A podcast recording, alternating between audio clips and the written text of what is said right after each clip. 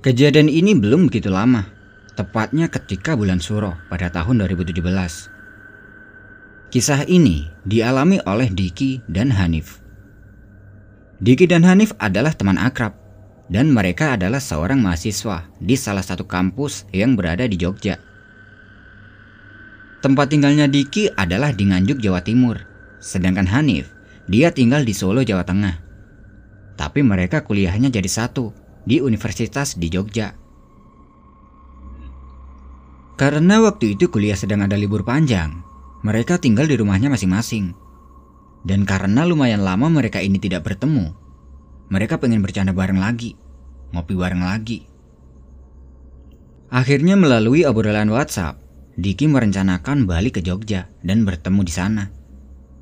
Tapi Hanif menyarankan, daripada bertemu di Jogja, mending kita mendaki aja sekalian liburan.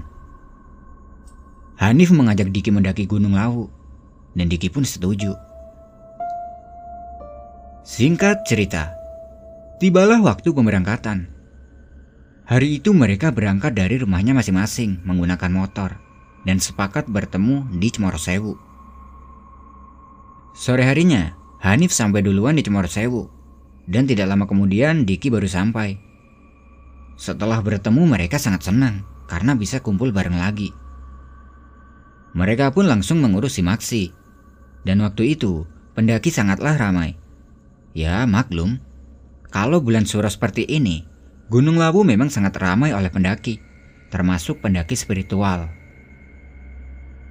Setelah selesai mengurusi Maksi, mereka berunding. Kita berangkat sekarang atau besok aja, Nif? Sekarang aja, hitung-hitung nyicil.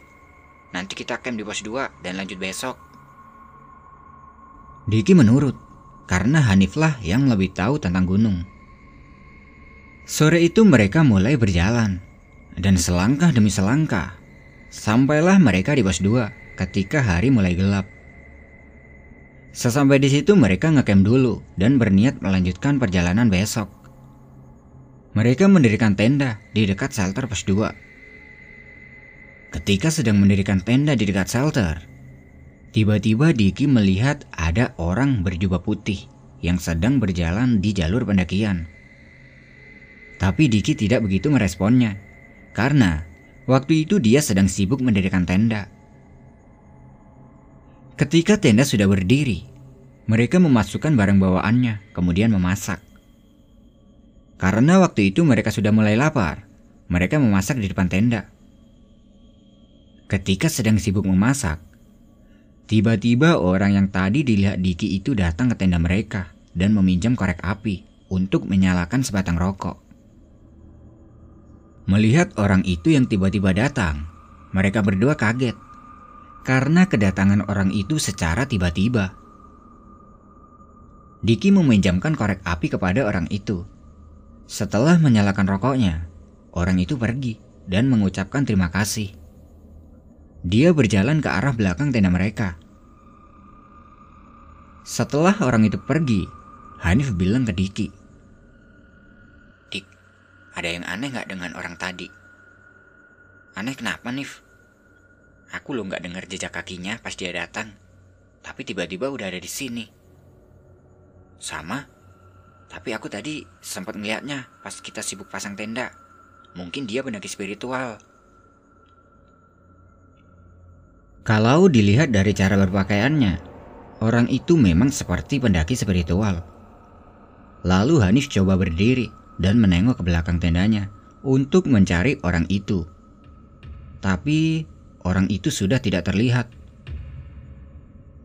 Ketika Hanif sedang berdiri, Diki menarik tangannya dan bilang, Jangan dilihatin Nif, kesannya nggak sopan. Mereka berdua mengabaikan orang itu dan lanjut memasak. Setelah selesai masak dan makan, mereka bersantai di depan tenda sambil minum kopi. Malam itu terlihat lumayan ramai oleh pendaki yang sedang naik. Malam semakin larut. Kurang lebih jam 10 malam, Hanif merasa ngantuk. Lalu Hanif masuk ke dalam tenda untuk tidur. Dan Diki, dia masih tetap duduk di depan tenda untuk menghabiskan kopinya sambil mendengarkan lagu dari handphonenya. Nah, ketika sedang berada di depan tenda sendirian, tiba-tiba orang yang tadi meminjam korek itu datang lagi dan meminjam korek lagi. Diki benar-benar kaget waktu itu, karena orang itu tiba-tiba datang dari belakang tendanya tanpa ada suara langkah kakinya. Temannya tadi ke mana mas? Udah tidur pak, katanya udah ngantuk. Setelah selesai mengobrol, Orang itu pamit lagi dan berjalan ke arah belakang tenda. Ketika orang itu sudah pergi, Diki berpikir, di belakang kan ada banyak tenda lain. Kenapa dia pinjamnya korek api di sini? Dan anehnya lagi, ternyata yang dibilang Hanif tadi benar. Orang itu datang secara tiba-tiba, tanpa ada suaranya. Karena merasa sedikit takut, Diki segera menghabiskan kopinya dan bergegas masuk ke dalam tenda. Ketika sudah di dalam tenda, tidak lama kemudian Diki mendengar ada suara.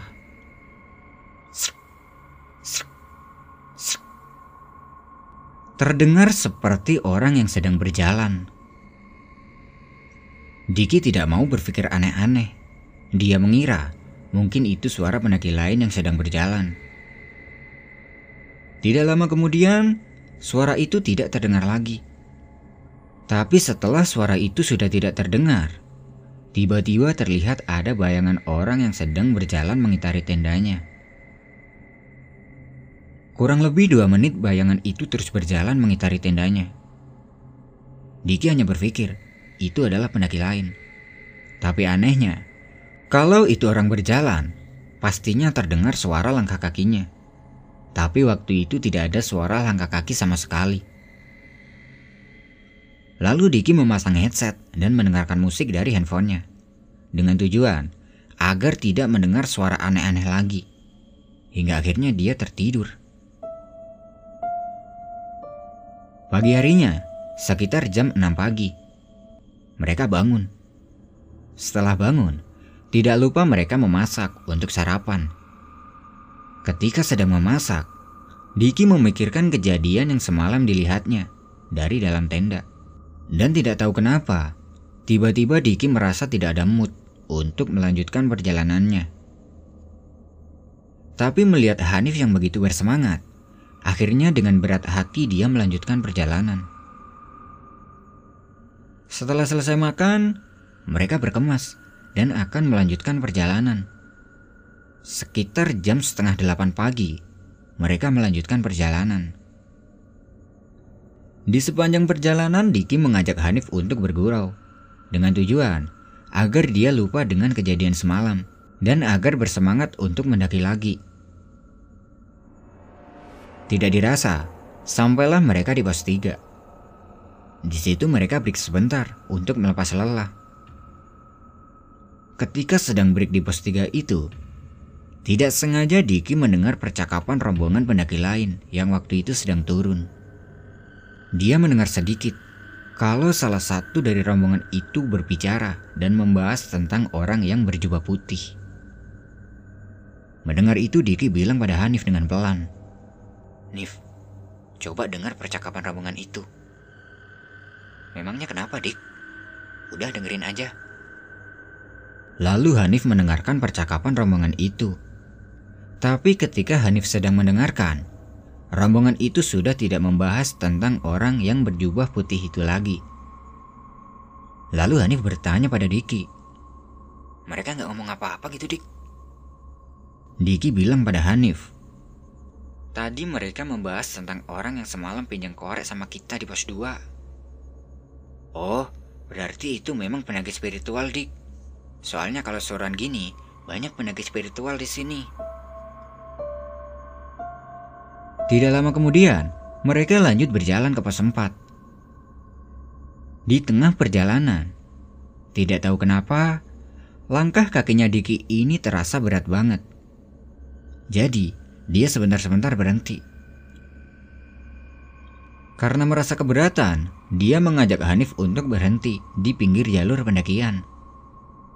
Nah, setelah mereka berhenti, Diki menaruh barang bawaannya di atas tanah.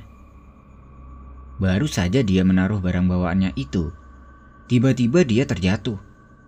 Rasanya seperti ada yang mendorong badannya. Melihat Diki yang terjatuh, Hanif malah tertawa kecil, tapi sambil menolongnya. Hati-hati lah bro, duduk aja dulu. Diki terduduk lelah waktu itu, tapi dia tidak bilang tentang apa yang dirasakan tadi itu kepada Hanif. Singkat cerita, kurang lebih 30 menit mereka istirahat. Perjalanan kembali dilanjutkan hingga sampai di Hargo Dalam ketika matahari akan terbenam. Mereka memutuskan untuk ngecamp. Setelah menemukan tanah yang datar, mereka mendirikan tendanya. Mereka mendirikan tenda di tempat yang lumayan jauh dari tenda pendaki lain, dengan tujuan agar bisa merasakan ketenangan. Malam harinya, ketika mereka sedang asik bergurau di depan tenda sambil mendengarkan musik, tiba-tiba Orang yang tadi bertemu di bos 2 itu datang lagi. Dan kali ini dia mau ikut ngecamp di dekat tenda mereka. Orang itu berkata pada mereka berdua. Mas-mas ini yang ketemu di pos 2 kemarin ya? Hanif menjawab. Iya pak, betul. Orang itu berkata lagi. Kebetulan, aku tak ngecamp di sini aja kalau gitu. Lalu, Orang itu mendirikan tenda, tepat di samping tenda mereka. Melihat orang itu yang sedang sibuk mendirikan tendanya, Diki dan Hanif membantunya. Hingga akhirnya tendanya sudah berdiri dan mereka bertiga ngobrol di depan tenda. Hanif membuka pembicaraan. Pak, Bapak sendirian ya? Iya, setiap suruhan saya mesti ke sini untuk sowan pada para leluhur tanah Jawa. Awalnya mereka takut dengan kedatangan orang itu. Tapi, setelah saling mengobrol dan nyambung, akhirnya mereka tidak takut lagi dan menganggap dia memang pendaki spiritual.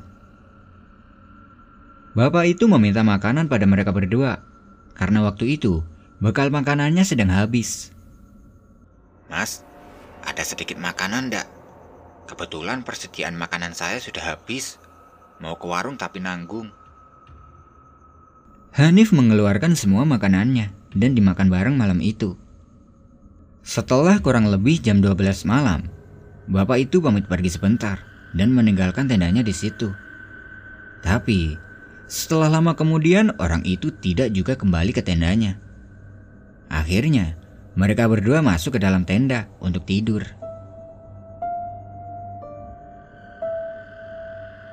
Pagi pun tiba, dan pagi itu mereka tidak melihat pendaki spiritual itu berada di tenda. Tendanya terlihat terbuka, tapi tidak ada orangnya. Mereka berpikir kalau mungkin orang itu sedang melakukan kegiatannya sebagai pendaki spiritual. Karena akan summit, mereka hanya menutup tenda pendaki spiritual itu dan meninggalkannya bersama tendanya di situ. Mereka berdua berjalan ke puncak. Setelah sampai di puncak, mereka melampiaskan kesenangannya dan berfoto-foto. Setelah puas di puncak, mereka kembali turun dan balik ke tenda. Sesampai mereka di tenda, ternyata tenda pendaki spiritual tadi sudah tidak ada. Mereka berpikir kalau orang itu mungkin sudah turun duluan. Diki membuka tendanya. Ketika Diki sudah membuka tendanya, dia terkejut karena melihat di dalam tendanya itu banyak sekali makanan. Ada nasi kuning, tumpeng, dan lain-lain. Melihat itu Diki bilang pada Hanif. Nif, Nif, coba deh lihat sini. Hanif menjawab. Ada apa, Dik? Diki menunjuk ke dalam tenda, ke arah makanan itu. Hanif bergegas melihat ke arah yang ditunjuk Diki dan bilang, Kok bisa banyak makanan? Mereka hanya terdiam dan saling menatap. Awalnya, mereka tidak berani menyentuh makanan itu, apalagi memakannya. Tapi Hanif berpikir, Mungkin ini makanan dari pendaki spiritual tadi, Dik. Diki menjawab, Bisa jadi sih. Mungkin tadi dia dapat makanan dan mau ngasih ini, tapi kita nggak ada. Makanya dia tinggal di tenda kita. Mereka berniat memakan makanan itu, tapi rasanya tidak akan habis. Soalnya makanan itu banyak sekali. Akhirnya, Hanif berinisiatif untuk membawa makanan itu ke pendaki lain dan dimakan bersama. Setelah selesai berkemas, mereka membawa makanan itu ke rombongan pendaki lain. Rombongan pendaki lain itu sempat bertanya dari mana mendapat makanan ini. Lalu Hanif memberitahu mereka kalau makanan ini dia dapat dari pendaki spiritual yang sedang ngecamp bersama mereka tadi. Akhirnya, Makanan itu dimakan bareng rombongan lain hingga habis.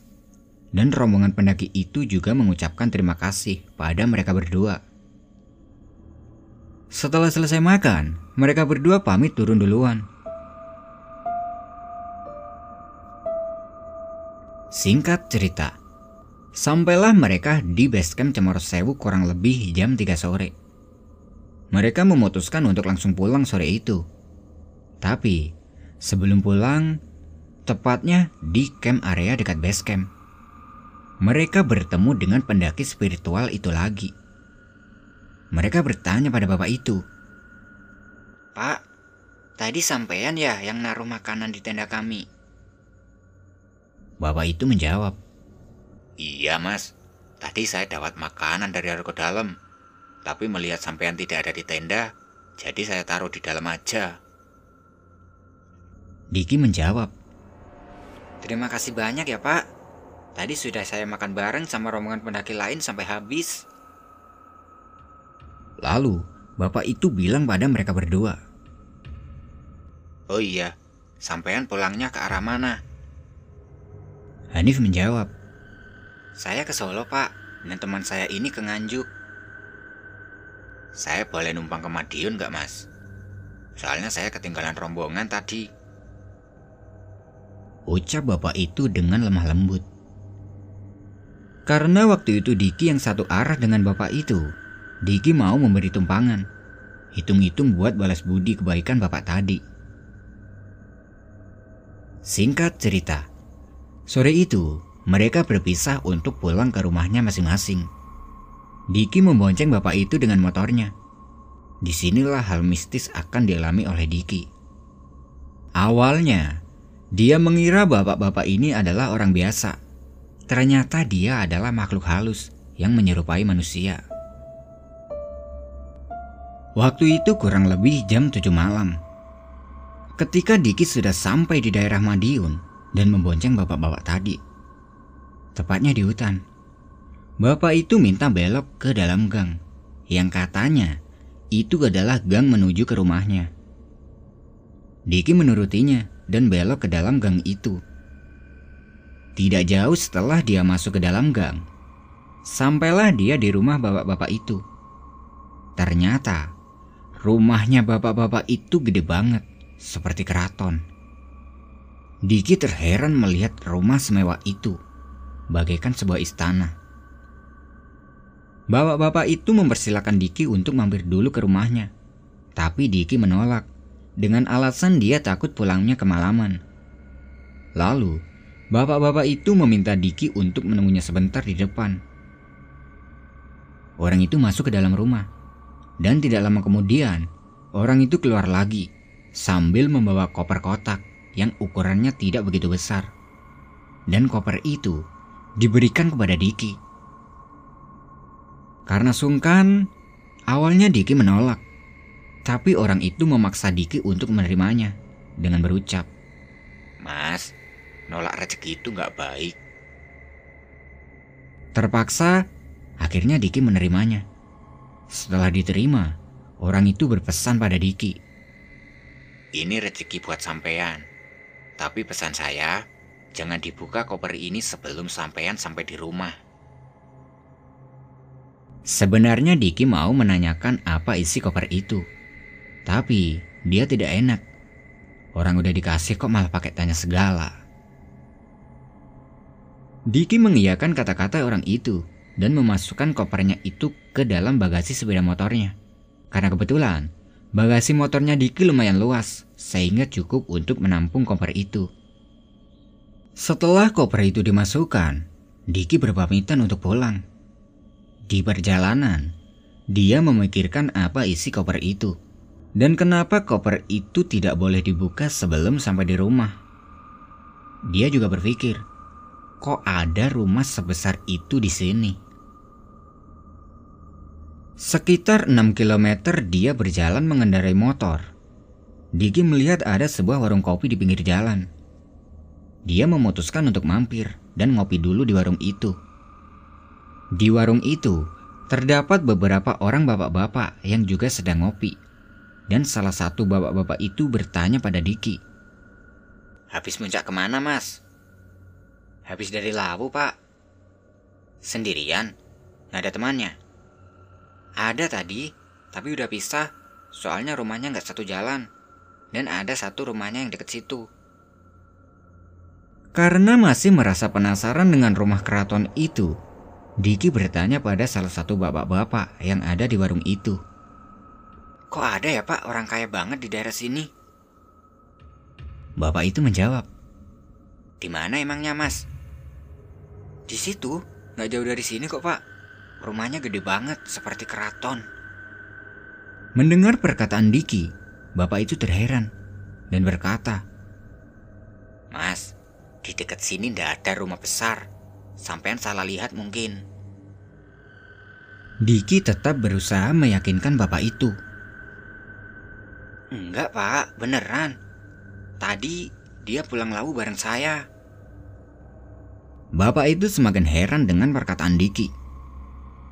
Ah, sampean ini bisa aja mas. Di sini ndak ada rumah segede keraton. Mendengar itu Diki penasaran. Dalam hatinya, masa rumah segede itu dia nggak tahu.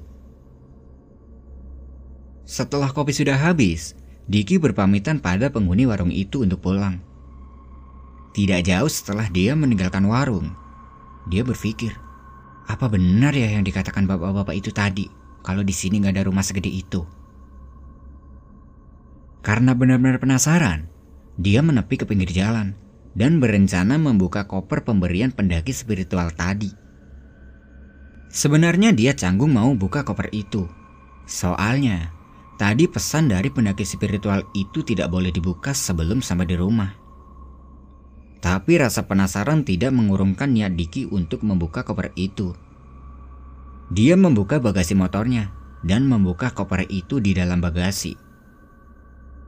Tahu nggak apa isi dari koper itu? Ternyata isi koper itu adalah daun yang sudah kering. Melihat isi koper itu, Diki shock. Lalu dia duduk di dekat motornya sambil mengisap rokok. Dia berpikir, mungkin kata orang yang di warung tadi itu benar. Tapi, tadi jelas-jelas dia melihat ada rumah sebesar keraton di situ. Rasa penasaran Diki semakin menjadi-jadi. Setelah rokok yang diisap itu sudah habis, dia berniat putar balik ke arah rumah pendaki spiritual itu untuk memastikan. Ternyata, sesampainya di sana dia tidak melihat ada gang seperti yang tadi dilihatnya. Di situ hanya ada hutan dan jalan setapak. Melihat kejanggalan itu, Diki cepat-cepat pergi dari tempat itu karena dia takut. Ternyata rumah sebesar keraton yang tadi dilihatnya itu adalah rumah gaib. Dan orang yang tadi menumpangnya dari Gunung Lawu itu adalah makhluk halus atau jin yang memang menjelma menjadi manusia. Untungnya, itu jin baik, sehingga dia tidak mencelakai Diki sama sekali. Dan andaikan waktu itu Diki membuka koper itu di rumah, mungkin isi koper itu bukanlah daun,